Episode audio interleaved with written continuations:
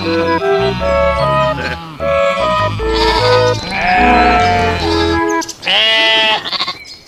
Einar! Hej på dig Anna! Nu sitter vi här igen. Vad ska vi prata om idag?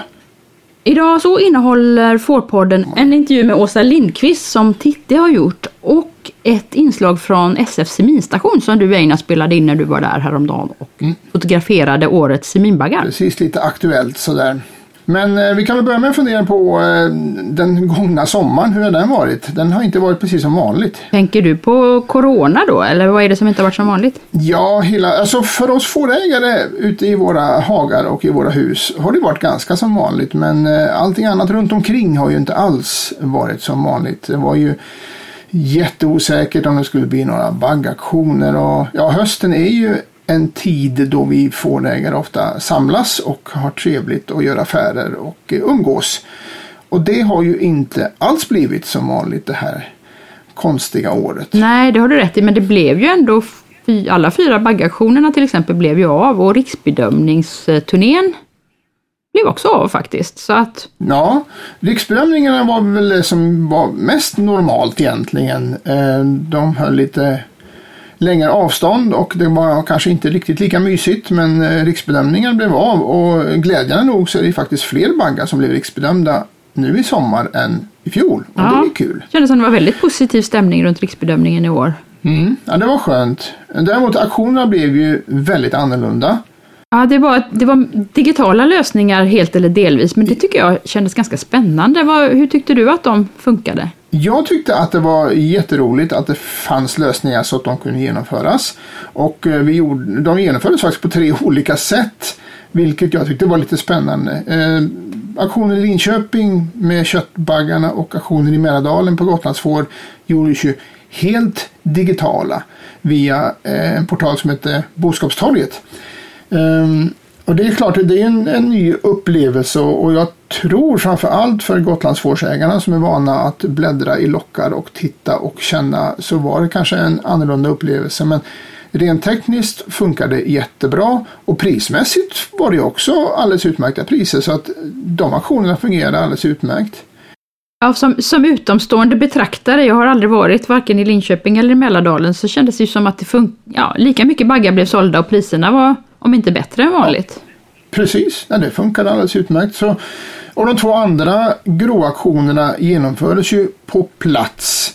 Men eh, med eh, mycket större avstånd, inte lika mycket folk inne i lokalen. Och på Gotland så genomfördes ju själva auktionen också digitalt. Vilket gjorde att folk satt på sina stolar eller sina bilar och budade via mobilerna. eh, Även fast man då hade kunnat titta på baggarna IRL då på riktigt. Så framtiden får väl utvisa hur baggationerna kommer att gå till. Men det var ett spännande experiment och jag tror att vi har fått väldigt många nya idéer på hur man kan göra saker i sommar. Ja, Det har ju påverkat en hel del andra saker. Eh, Klipp-SM exempelvis är ju helt inställt. Eh, ja och många, många stora evenemang har, ju också ställts in. Elmia till exempel. Ja. Elmia hade, skulle ju och det brukar vara en stor mötesplats för fårägare och det ställdes också in. Eh, Ull-SM genomfördes ju faktiskt men eh, folk hade skickat in sina ullprover, domarna gjorde sitt jobb och priser delades ut men det var alltså inga, inga dom, eh, ing, ingen publik på plats. Eh, allt det här som vi pratar om nu det kommer också i nästa nummer av Fårskötsel som kommer precis i början på november. Eh, och sen har vi faktiskt en till sak som är inställt eh, och det är ju Fåravelsförbundets lammriksdag. Eh, stämma i våras blev ju inställd men då bestämde vi att vi skulle ha en endagars lammriksdag i början på november. Men det där är inte riktigt sant för stämman genomfördes ju fast digitalt. Ja, Via Teams. och självklart. Och lammriksdag blir det ju också fast digitalt. Så att det blir ett, eh, det blir ett digitalt möte lördagen den 7 november med Ja, föreläsningar och diskussioner online då. Vilket ju är tråkigt men samtidigt kanske en del som inte hade kunnat åka på lammriksdagen kan vara med den här, den här dagen. det är faktiskt en positiv bieffekt skulle jag vilja påstå av den här coronasommaren. Ja, ja, den är inte över än coronatiden. Eh, att vi faktiskt har lärt oss att ha digitala möten istället för att bränna en massa tid och energi på att eh, resa runt i landet. Sen är det ju trist att inte träffa folk på riktigt men eh, jag tror att vi kommer att, det här är någonting som vi kommer att använda oss av mycket mer framöver. Det är jag helt säker på. Ja, absolut. Eh, om vi tittar mer på vad som hänt i sommar, som lite mörkare toner, så är det ju faktiskt att det har varit en väldigt besvärlig sommar när det gäller rovdjursangrepp på får. Väldigt många angrepp och en hel del större angrepp på många platser i landet. Ja, det har varit en riktigt usel sommar när det gäller den saken. Ja, Eh, och det kulminerar ju också i att eh, Fåravelsförbundet anordnade en ny sån här rovdjursvaka för att visa för människor, för svenskarna, för allmänheten, för politiker och beslutsfattare hur desperata vi är och hur stort problem det här faktiskt är för vår bransch. ja sy- syftet med rovdjursåkaren är ju väldigt mycket, ja men dels är det ju gemenskap, men också ett sätt att få uppmärksamhet i media ur våran vinkel. Och det lyckades ju bra. Det var väldigt många som tog upp rovdjursåkaren. Ja, och i princip alla reaktioner vi fick var positiva. Och det tycker jag också är väldigt bra. Sen om det kommer leda till några, några reella förändringar, det får vi väl se. Eh, SF eh, ska ha ett möte med landsbygdsministern här framöver och vi får se lite grann vad som händer. Men vi har i alla fall lyft upp frågan på dagordningen och det är många som är medvetna om. Ja, kontakt, kontakt med politiker är ju det som är högst upp på agendan Ja. nu. Ja, det är ju de som avgör i slutändan. Men jag tycker också att eh, det har varit tråkigt den här sommaren att det har varit så mycket, ja, det har varit värre än vanligt runt skyddsjakterna att få dem att fungera. En skyddsjakt är svår att hitta rätt individ men alla överklaganden komplicerar ju till det också att man inte kan gå ut direkt och anordna den här skyddsjakten. Och det, det, det är olyckligt. Men det var faktiskt ett av kraven från eh, den LRF-stämman som hölls i början på oktober så var det ett av kraven, kraven från stämman att LRF ska driva att skyddsjakterna ska kunna komma till stånd mycket, mycket fortare än vad som sker idag. Det är en, det är en viktig sak som vi behöver jobba för framöver. Ja, jag, jag tycker det är det viktigaste av, i hela rovdjursfrågan, det är att skyddsjakten fungerar. Mm. Då kan vi nämna så här också att i fjol, 2019, så var det 17 vargar totalt som fälldes på skyddsjakt. Men om man tittar lite grann, gräver ner sig lite grann i statistiken så är de allra flesta av dem är skjutna i mellersta Sverige i renskötselområdet. För det finns ju ett beslut att eh, renskötselområdet ska vara vargfritt. Och det innebär att där eh, går det mycket snabbare att få skyddsjaktsbeslut och man får även jaga exempelvis från helikopter. Eh, så att det, nästan inga vargar som är skjutna på skyddsjakt är vargar som driver får. Nej, skyddsjakten fungerar hyfsat i renskötselområdet helt enkelt, men den fungerar inte men in, inte för oss med i får. får. Sverige. Ja, eh, men då tycker jag att vi går vidare på en fråga som är lite mer positiv och som är aktuell just nu. Och det är det där med semin. Och det är ju du jättebra på, Anna. Du seminerar ju själv. Ja, det är klart jag seminerar. Det skulle jag verkligen inte vilja vara utan. Eh, jag har ju en liten Gotlands årsbesättning. Eh, jag tycker att semin har gjort livet med den så mycket roligare. Alltså, det är, jag behöver inte hålla på och köpa nya baggar var och vartannat år. Och jag kan rekrytera egna baggar, vilket har varit otroligt eh, positivt. Ja, det är nästan omöjligt om man har en liten besättning att rekrytera egen bagge om man inte använder semin, eller hur? Ja, det, det blir ju oftast eh, inte görbart. Men helt plötsligt så har jag tre baggar som jag kan använda på... All, all, alltså det finns hemmagjorda baggar som funkar på alla mina attacker. Det finns någon för alla, eller två till och med. Vilket bra uttryck, hemmagjorda baggar. Det kan Och sen eh, kan jag ju använda flera seminbaggar också. Alltså plocka lite sådär skräddarsytt efter tackornas lockstorlek eller färg och sådär. Vilket, vilket man ju inte alls kan göra annars när man har en liten flock. Sju tackor, de är ju inte, jag har inte avlat för att de ska vara jättelika utan jag har avlat för att behålla mina tacklinjer. Tre stycken tacklinjer. Och det blir ju ganska plottrigt när man har sju får.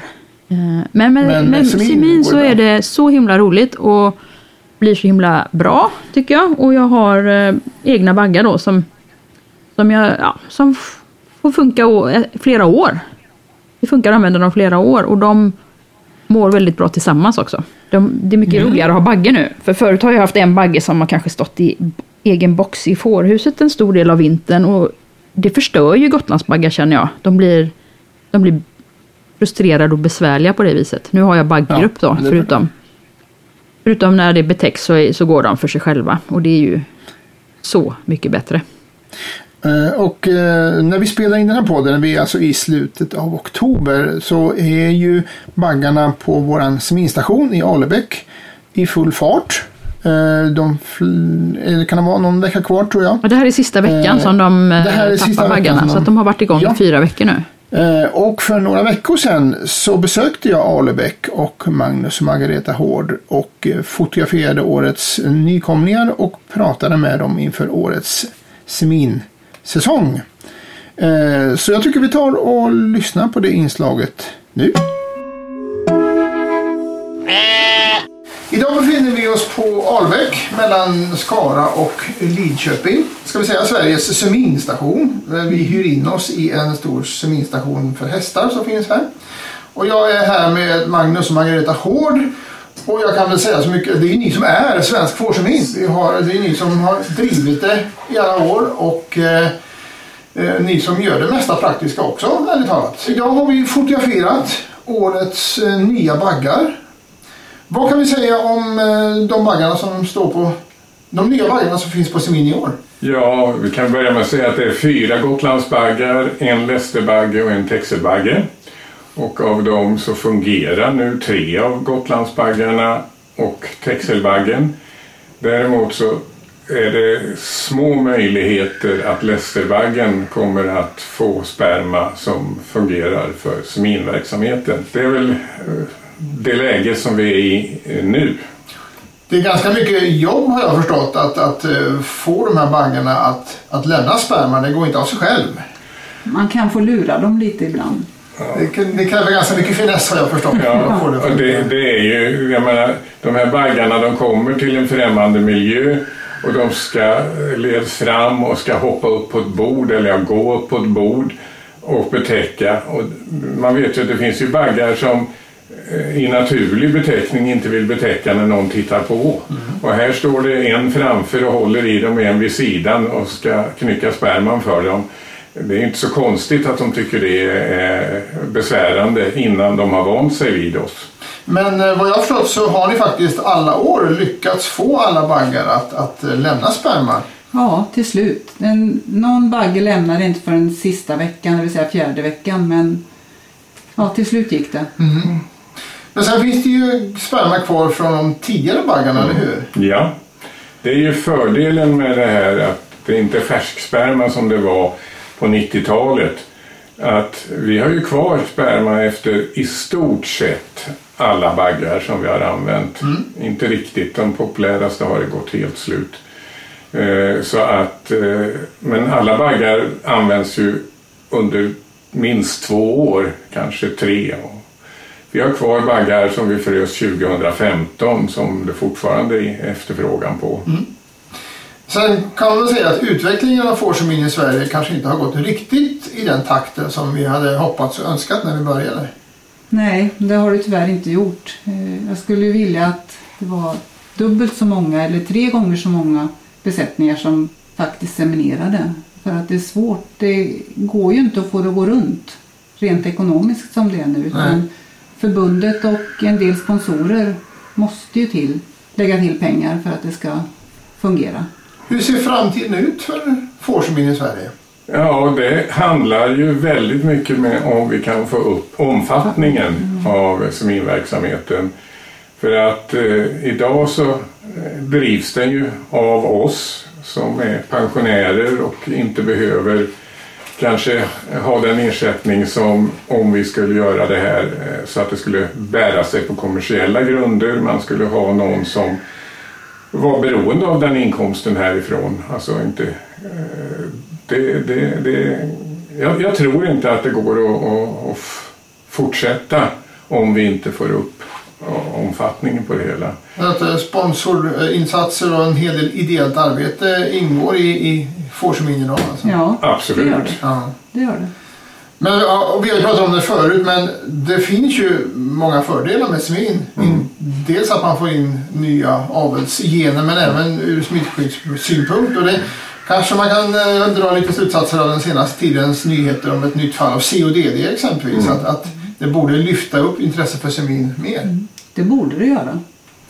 Men det, det är liksom konstigt. Det, ibland känns det som om fårägarna blir resistenta mot eh, de nya faror som dyker upp.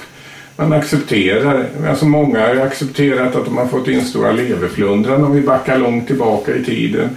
Och sen har man accepterat att man har fått in hemonkus och så vidare. Men det innebär ju att vi drar oss ifrån den här ideala bilden av fårskötseln med lite bekämpningsmedel och så vidare. och Så vidare. Mm. Så att det, det, det är väldigt konstigt. Vi kan nämna också att nästa avsnitt av Fårpodden kommer att handla helt och hållet om problem med en ökad resistens hos, våra, äh, hos fårens parasiter. Och det finns ganska mycket skrämmande fakta mm. att, att ta fram där. Mm. Ja. Men eh, ja, vi kan bara säga önska er lycka till och hoppas att vi kan få till en, en ökad användning av semin och kanske en, en lite förnyad bemanning på seminstationen också så att vi ser att det här är en verksamhet som fortsätter framöver. Ja, ja det kan man ju hoppas på. Jag tackar för detta. Tackar. Om man blir sugen på att börja seminera och inte har gjort det tidigare, hur gör man då Einar? Ja, för att seminera själv så måste man ju gå en seminkurs. Och de brukar anordnas på sommaren. Så det är faktiskt bra tid att börja fundera nu på om man skulle vilja seminera nästa höst. För då har man gott, gott om tid att läsa på ordentligt. Det finns mycket att läsa om fårsemin. Eh, man kan anmäla sig till en kurs.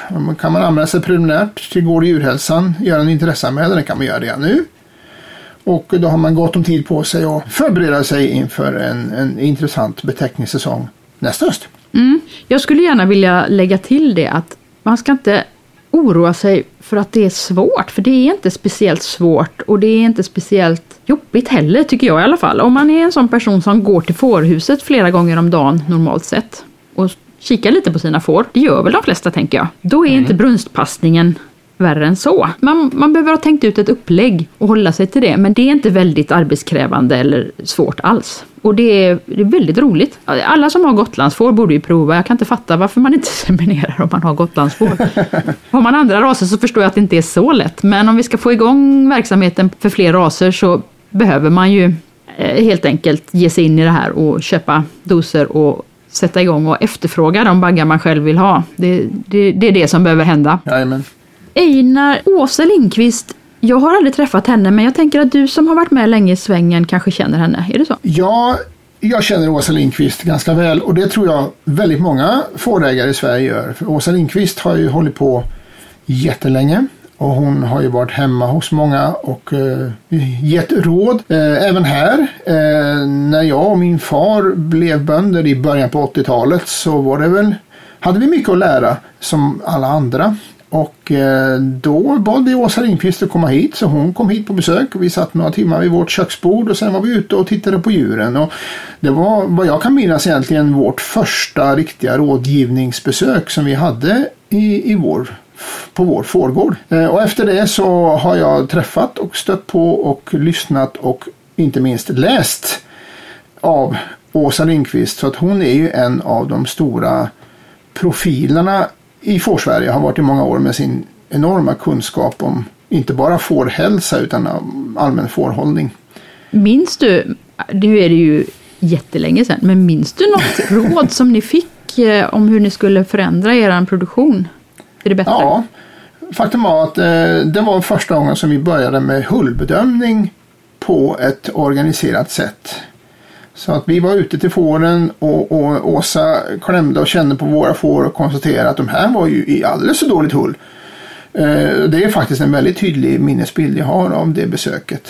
Det, det var då jag fick upp ögonen för vikten med att hullbedöma får. Att, uh, ull, får med ull på är ju omöjligt att se hur, vilket skick de är om man inte känner på dem. Men precis, så det är alltså, du har 30 år nu av en regelbunden hullbedömning i bagaget tack vare Åsa ja. kan man säga. Ja, tack mm. vare Åsa.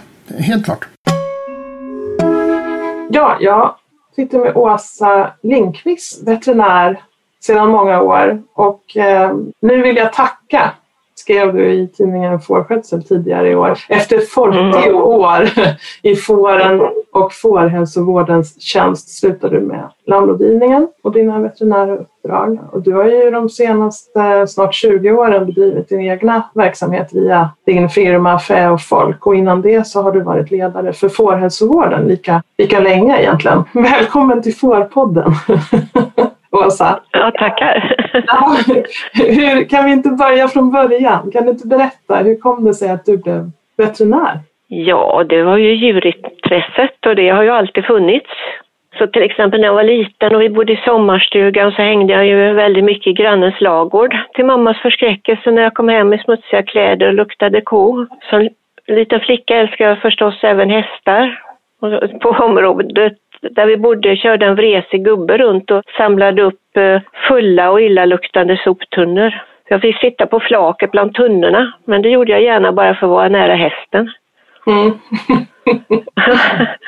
och sen i tonåren så förstod jag att jag hade ett starkt djurintresse och jag fick möjlighet att följa med en distriktsveterinär på jourresor. Och då blev jag övertygad om att det var veterinär jag skulle bli. Är du uppväxt på gård eller? Nej, jag är inte uppväxt på en eh, gård. Det fanns lantbruk i närheten. Och du blev färdig veterinär 1976 sa du va? Till mig. Vad började du jobba med då? När du blev färdig veterinär? Jag var ju inställd på att jag skulle bli distriktsveterinär så att jag tog lite eh, vikariat runt om i landet men eh, det var ju på sätt och vis en social misär.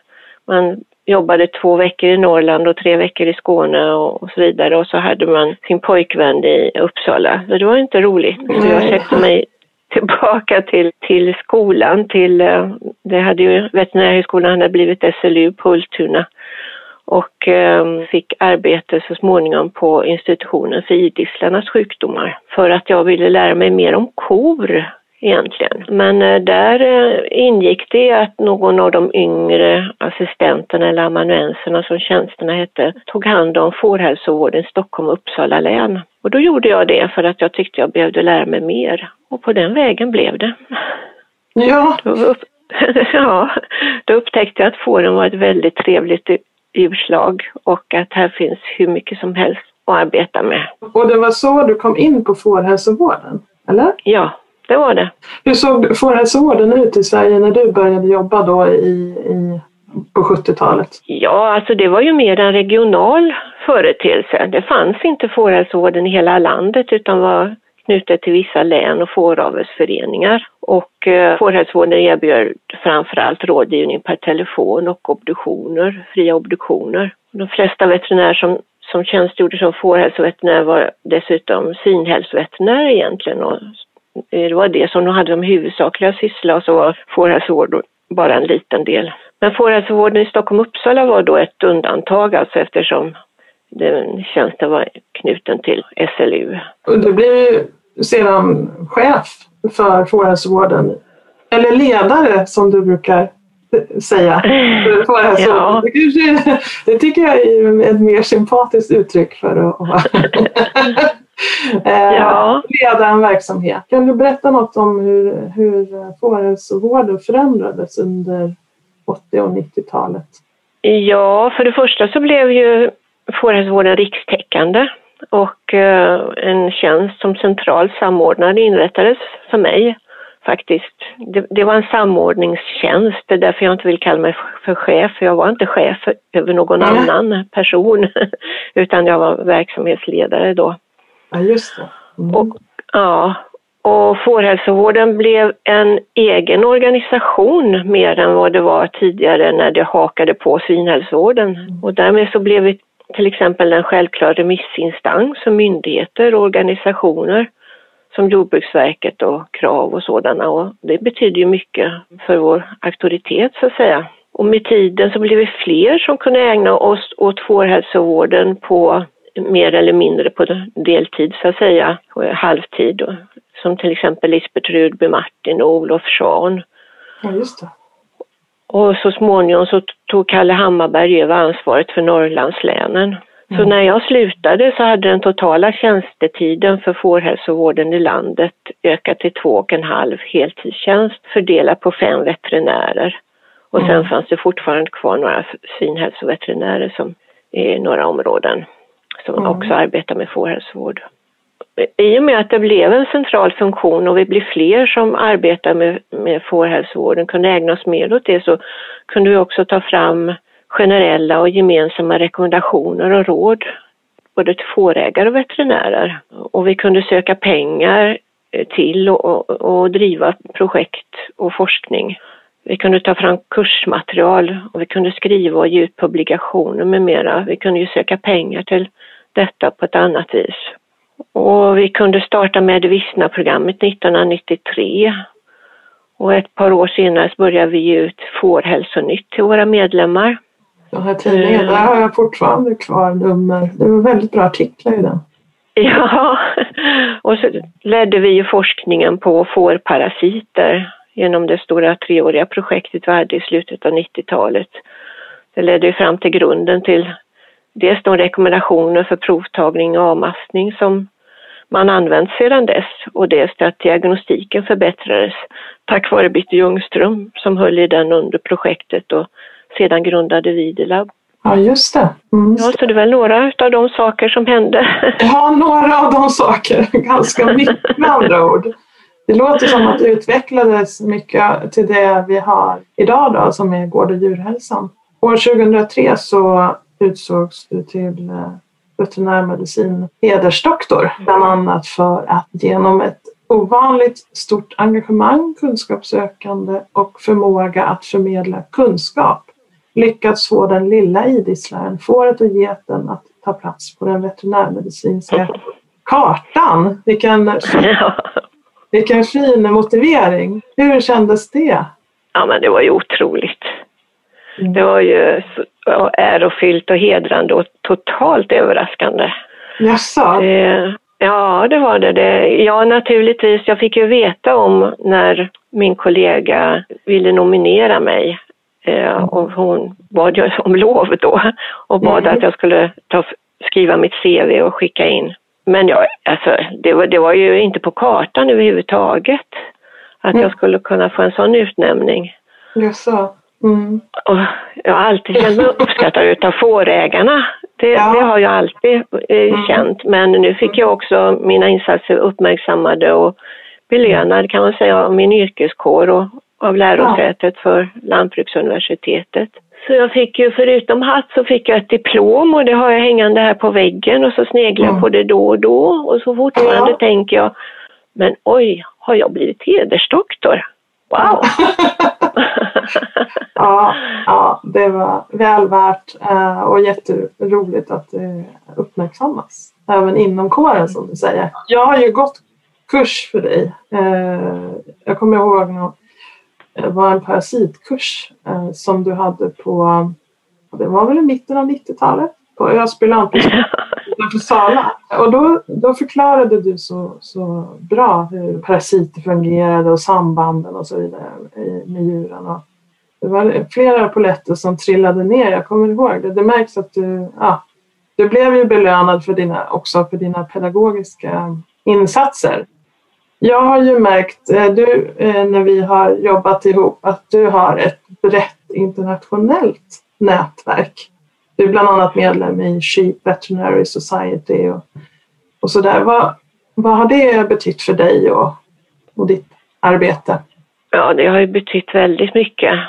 För det var på de här internationella konferenserna, kurserna som bland annat Chief Society, eller framförallt de ordnade, som jag fick min fortbildning som fårveterinär. Någon sån fanns ju inte i Sverige. Och här fick jag ju information om, om nyheter, nya sjukdomar som diagnostiserades, ny diagnostik, behandlingsmetoder och sånt där. Och jag fick ta del av nya forskningsrön. Och jag kunde diskutera egna iakttagelser och reflektioner med kollegor som, som hade mer erfarenhet och kunskap än jag. Jag fick bollplank och jag fick faktiskt också bekräftelse att jag kunde en del. Att jag även hade Mm. något att komma med i utbyte. Till exempel om hur vi hade utformat med Vissna-programmet och hur vi förebygger parasitproblem i Sverige. Mm.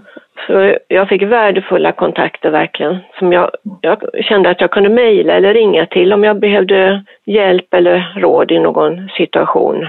Och så fick jag vänner för livet. Mm. Ett par av de äldsta vännerna sedan 30 år tillbaka var med på min dotters bröllop faktiskt. Mm. Vad härligt. Så, ja, så det har varit givande på många sätt. Mm. Och jag vet att om man skickar en fråga till dig, i och med att vi är i samma nätverk eh, med Gimrarna, vi, vi landrådgivare, så, kan man, så har du tentakler ut eh, där du också kan liksom få input eh, till, till oss. Så det är ju väldigt värdefullt. Jag, jag vet ju att du gillar att skriva eh, och du har skrivit flera klassiker i en fårägares bibliotek. jag har bland annat lamning, lamning och lamningshjälp och jag har får, boken Fårhälsovård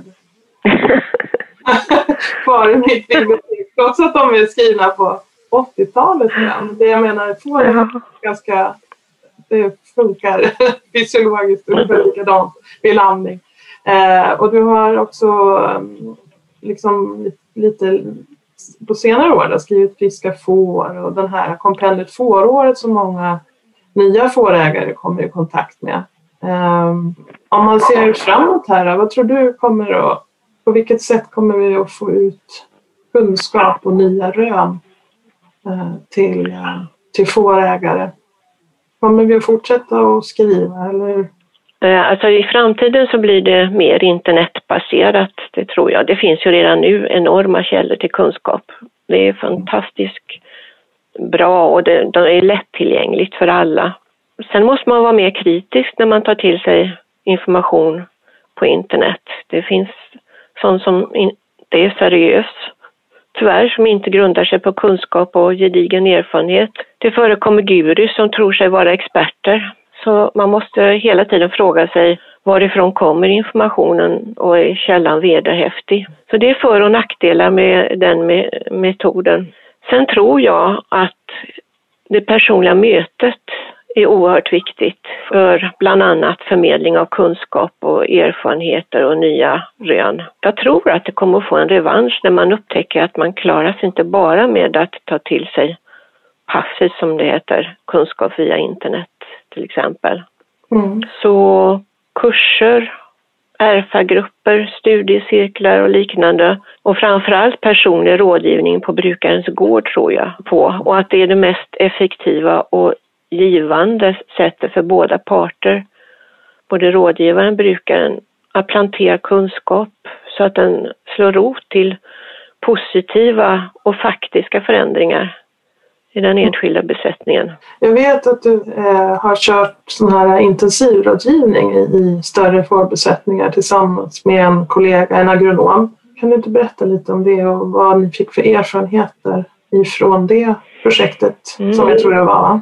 Ja, det är bra att du frågar om det i samband med det här för att det var ju framförallt då som jag fick den erfarenheten att det här med gårdsbesök och besättningsbesök och gärna uppföljande besök är det bästa sättet egentligen. Och det var ju Anne-Gun Vedin på Länsstyrelsen i Kalmar och jag som arbetade med den här intensivrådgivningen som vi kallar det för. Och det började som ett test där vi ville testa om intensivrådgivningen skulle ge resultat på besättningsnivå. Så vi hade avtal med sex Eh, till åtta gårdar, det varierade genom åren. Att besöka dem tre till fyra gånger per år under två års tid. Och de råd som vi formulerade, de tog vi fram tillsammans med varje fårägare. Så vi var väldigt noga med att fårägaren kände att det här var praktiskt genomförbart för dem. Och som rådgivare lärde vi oss väldigt mycket genom att vi följde varje besättning genom produktionsåret. Så vi kunde se vilka råd som gav resultat. Mm. Och eh, eftersom Anne-Gun är veterinär, eh, förlåt, agronom och jag veterinär så lärde vi också av varandra. Anne-Gun lärde mig hullbedömning mm. och jag kom ju snart underfund med hur viktigt detta är. Alltså, vi hullbedömde vid varje besök och instruerade naturligtvis fårägarna då hur man skulle göra. Och vi gjorde foderstater, vi tog foderprov, vi tog prov för parasiter och vi tog prov för kobolt och kopparbrist som förekommer i de här trakterna. Eh, och fick fårägarna att eh, börja ge mineralfoder eh, dagligen och med Mm. koppar i. Vi obducerade också döda lamm och därmed kunde vi slå hål på en myt som förekom då om att gasbrand inte fanns på Öland. Och fick, Mm. ja, och, och fick öländska fårägare att börja vaccinera mot gasbrand och därmed Mm. så sjönk ju dödligheten. Men det mest slående erfarenheten var faktiskt att det dröjde tre år, alltså ett år efter varje omgång, innan våra råd visade resultat. Eh, och alltså stora resultat om jag säger som så Mm. Med signifikant högre lammvikter och lägre lammdödlighet, färre parasitproblem och, och annat. Mm. Så man måste ha tålamod. Ja, ja, precis. För även när man sätter in insatser kan det ta ett tag innan man får resultatet ju. Det tar nästan ett år att identifiera problemen Mm. om man eh, kommer dit under olika faser under Mm. fåråret. Och sen ska det rättas till under år två och sen år tre ser man resultaten. Vad, vad sa eh, fårägarna om, om det här då? Den här rådgivningen som de fick? Jo, de var naturligtvis tacksamma. Under projekttiden så fick de det ju gratis. Ja. De tyckte det var givande och de fick också samlas en gång och ta del av varandras resultat. Sen var det ju svårare att fortsätta med det för att eh, det kostar ju Mm. En sån här intensivrådgivning och vi fick väl några stycken den första gången vi gick ut med eh, erbjudandet men sen kom det en dipp eh, för Mm. fårnäringen, eh, lönsamhet och sen var det svårt.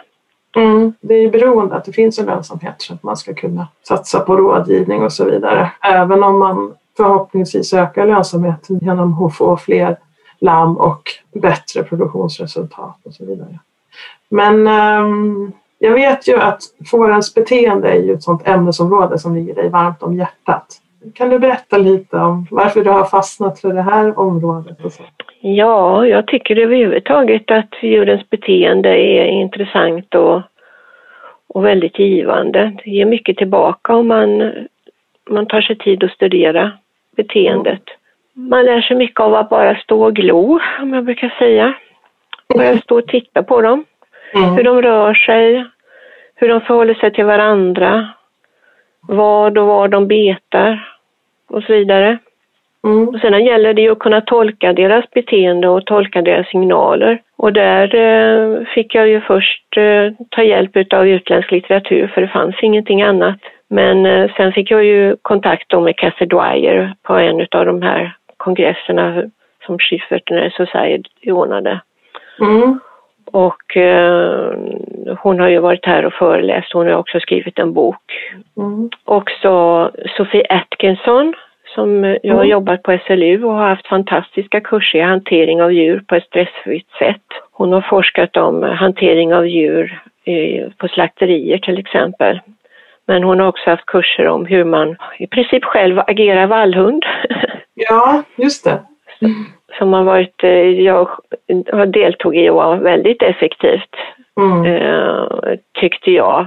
Till och med så att när jag kom hem så hade några kvigor rymt på gården där vi hade våra får. Mm. Och jag lyckades få in dem själv Mm. utan någon hjälp. Så jag fick praktisera det direkt. Det var, det var härligt. Ja, Men på senare år har du blivit Förlåt? ja, det funkade. Det funkar. Ja. Absolut. Absolut. Mm. Ja, men på senare år har det blivit vanligare med forskning om, om djurens signaler. Till Mm. exempel hur de uttrycker smärta, hur man kan läsa av det och gradera det. Och det är ju glädjande. Och nu finns det även litteratur på svenska om fårens signaler. Om man förstår djurens signaler och vad de känner och vad de vill så blir det ju lättare att eh, umgås med dem och hantera dem. Och, Mm. och också i tidigt skede se om de inte mår bra. Och också det här att jag tänker på det här med att hålla en så låg stressnivå genom eh, low stress handling kallar man det va? Det Ja, just det. En sån jobbar med och att man verkligen eh, tänker på det aktivt som djurägare att de ska ha så låg stressnivå genom livet så att de inte har, för var, varje stresspåslag sätter ju ner djur egentligen, immunförsvar och Mm. kan göra att eh, de blir mer utsatta för att kunna bli sjuka eller annat. Men också för en själv. Mm. Att inte behöva bli så stressad och arg. Mm. Som man ofta blir när, när djuren inte går åt det håll man själv tycker att de ska gå. Ja.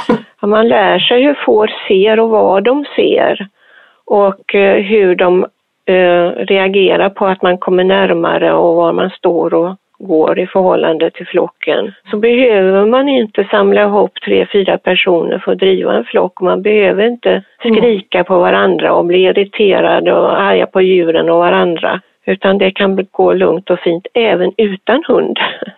Mm, precis. Om vi summerar här, då, vad tycker du har varit roligast under ditt yrkesliv? Kan man säga det? Efter 40 år inom fårhälsan?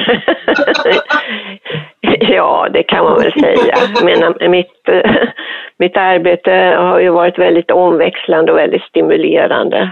När jag arbetade med fårhälsovården så var det ju väldigt mycket olikartade arbetsuppgifter jag hade. Men eh, det roligaste har ju ändå varit att få träffa fåren och fårägarna på deras gårdar och att kunna ha samtal utifrån var och ens situation och förhållande. Jag har ju sett varje besök som en liten utmaning för mig själv. Positiv utmaning. Och det har varit väldigt givande. Och erfagrupper och kursverksamhet har också varit roligt. De senaste åren har jag haft några kurser tillsammans med Birgit Fag och det har ju varit väldigt stimulerande och, och samarbetet med henne och med Gimran har lärt mig mycket. Det har varit roligt, det tycker jag. Ja, vi är jätteglada att ha kvar dig som senior fårhälsoveterinär i vårt nätverk Gimrarna. Eh, Men eh, finns det något som du önskar hade varit annorlunda? Ja, jag önskar ju att rådgivningen skulle vara subventionerad som en, en egentligen självklar del i det viktiga förebyggande hälsoarbetet. Men kanske ännu hellre att fårproduktionen skulle vara så lönsam att fårägarna både har råd att försörja sig på den och att betala för rådgivning. Mm. Det vore väl bra. Ja, det, det vore suveränt. Man vill ju allra helst att fårägaren ska vara så likvid att man kan betala vad det, vad det kostar. Eh, Att man känner att det här har jag råd med och det här ger tillbaks mer än vad det kostar. Och, och jag tror också att det är så att om man betalar för en, för en produkt, i det här fall rådgivning, så är man mer angelägen om att naturligtvis kan man ställa eh, kanske större krav. Det här har jag betalt för, här ska du leverera. Men också att man själv levererar som fårägare, det vill säga att man verkligen tar till sig rådgivningen och försöker förändra någonting. Mm. Man committar på ett annat sätt tror jag. Mm. Mm. Jag är ju nyfiken att höra vad händer framåt nu då? Alltså, vad får ta större plats när du trappar ner på jobbet? Har du hört talas om det här med att pen- pensionärer har så dåligt med tid? Att har man stort hus, eller som jag, flera byggnader och stor trädgård så, Ja. så finns det alltid att göra. Ja, men jag ägnar mig mer åt eh, mina hobbys nu. Att vara ute i naturen och eh, cykla och vandra och sen vävningen som jag håller på med. Härligt. Jag eh, får passa på att tacka dig då för att du har ställt upp och eh, berättat lite om, om ditt yrkesliv. Eh, Och för, för, för mig och för säkert flera andra så är du ju en förebild. Det här med ditt engagemang och att ständigt vilja utveckla. Så tack Åsa! Ja, tack ska du ha.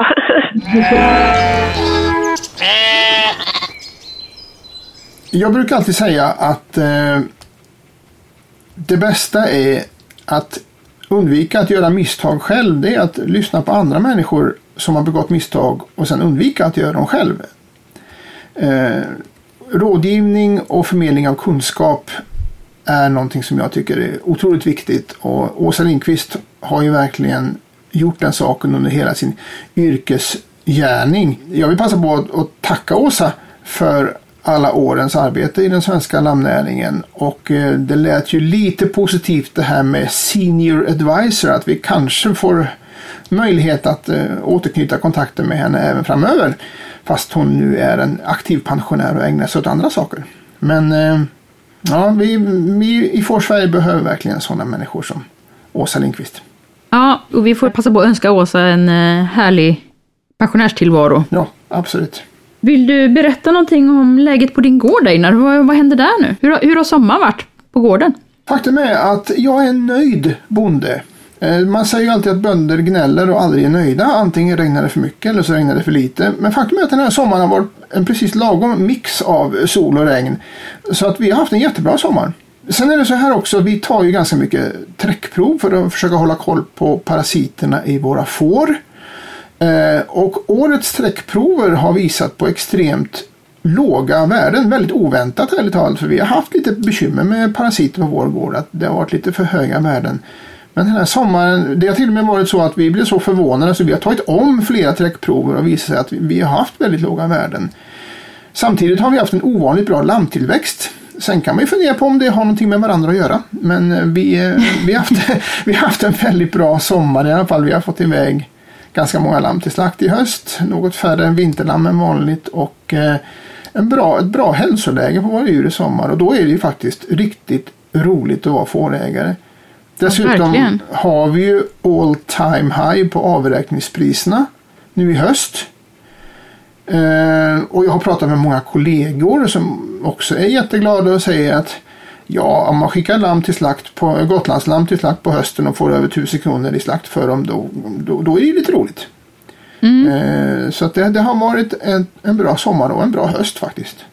Ja, det har varit en bra sommar här också. Eh, Jag har haft ovanligt lite trillingar på äldre tacker och inga tvillingar på ungtacker, vilket jag tycker är nyckeln till framgång. Jag, jag är inte, mina får är inte speciellt bra på att få sådana här stora kullar. Utan jag har haft normala, vad, vad, vad jag vill ha då. Lagom är bäst alltså. Ja, tvillingar på de äldre och enlingar på första lammarna. Ja. Och då växer de väldigt fint tycker jag och blir fina. Ja, Vi har ju betydligt högre fruktsamhet men vi har ju vår fantastiska Heatwave som jag har pratat om i tidigare poddavsnitt. Eh, Och det är lite roligt, vi gör nämligen så att alla lamm som vi vänjer av från Heatwave de får ett litet extra rosa märke i örat utan någon prägling i. Bara för att vi ska kunna hålla koll på dem. Och det är ganska int- intressant för då ser vi så här på hösten att ja, de har vuxit precis lika bra som alla andra. Vi har skickat till slakt i alla slaktomgångar och vi har rekryterat flera av de här flasklammen. Så att jag mm, upprepar det jag säger att det är, de där lamm, en lamamma är en, en jättebra uppfinning. Ja men det är ju jättebra. Men det är inte så bra när man lammar i månadsskiftet april-maj och har så få djur som jag har. Då känns det inte som görbart riktigt att göra då, flasklamm. Då är det lite svårare att få en sån här apparat att fungera också när det är för varmt ute. Det har vi konstaterat. I höst tänker jag testa att fodra med hö fram till, eh, ja, till efter betäckningen i alla fall. Inte sätta igång med en silage här nu och se om det har positiv effekt på... Du, du menar att inte få för många trillingar? Ja, vi får se. Jag får återkomma med resultatet av det experimentet. Men faktum är att förr i tiden när vi fodrade med hö så hade vi inte så mycket, så hög fertilitet. Det det har hänt mycket på senare år. Sen vi Jo, började med vi, vi har ju blivit bättre på allting och då får man nog fler lamm per tacka också. Så det är nog en naturlig, en naturlig följd. Ja, men mina tackor har inte blivit tillräckligt mycket bättre på att föda upp trillingar. Det tycker inte jag. Det, nej, nej, jag jag har inte heller sån intensiv betesproduktion utan det, jag har gamla vallar som, som inte läggs om särskilt ofta. Och jag ser ju till att de har mat men det är ju inte, det är inget eh, högproteinfoder större delen av året. Det, det är det inte. Det är mer av naturbeteskaraktär här. Ja, men det är många som har får på det sättet. Ja, mm. Annars så har ju det nya fåråret startat. Det gör det ju så här på hösten. Alla får, våra i alla fall, inomhus. Vi har fått ut gödseln, alla får klippta och eh, nu är det en transportsträcka fram till lamningen egentligen. ni, ni kör transportsträcka i fem månader men, men herregud. Men eh, allting går ner en växel i alla fall så här på, på vintern. Att det blir lite mer rutin på skötsel av djur och så vidare och eh, det händer inte lika många oväntade saker som det gör på sommaren. Nej, vad ska du göra mer i vinter då för att få dagarna att gå? Vi har jättemycket stängsel som ska upp eh, nu i höst. Vi eh, håller på att restaurera en, ett antal hektar gamla naturbetesmarker som inte varit betade på många år. Som vi nu ska återta till produktion. Det är ett väldigt spännande projekt tycker jag. Eh, så att jag har en, ja, en och en halv kilometer stängsel som ska upp nu i höst. Så att jag är inte arbetslös. Ja, men okej. Vill man få stängselinspiration så kan man lyssna på förra fårpodden som handlade om stängsling. Jättemycket bra tips fanns det där. Vill man ha semininspiration kan man lyssna på avsnittet om semin som vi gjorde för det- några år sedan. Det är det som är så bra med podden, att det är så lätt att gå tillbaks och eh, hitta vad vi har gjort och eh, lyssna om. Det tycker jag verkligen ni ska göra. Men eh, nästa Fårpodden då, Anna, vad ska den handla om? Ja, men nästa Få- Fårpodden kommer väldigt snart efter den här. Vi har ju lovat att vi ska göra ett avsnitt om resistenta parasiter och vi håller på med det. Det är nästan klart. Det kommer snart. Eh, lite allvarligare problem, men ändå någonting som inte får blunda för, utan det är någonting som finns och någonting som ökar och vi måste bli medvetna, medvetna om problemen som finns. Parasiter är ju inte roligt och resistenta parasiter är jättesvårt att drabbas av. Men eh, då tycker jag att vi eh, knyter ihop säcken för idag. Och eh, så hörs vi ganska snart igen. Vi hörs snart igen. Jajamän. Ha det bra. Ha det bra själv. Hejdå. Hej!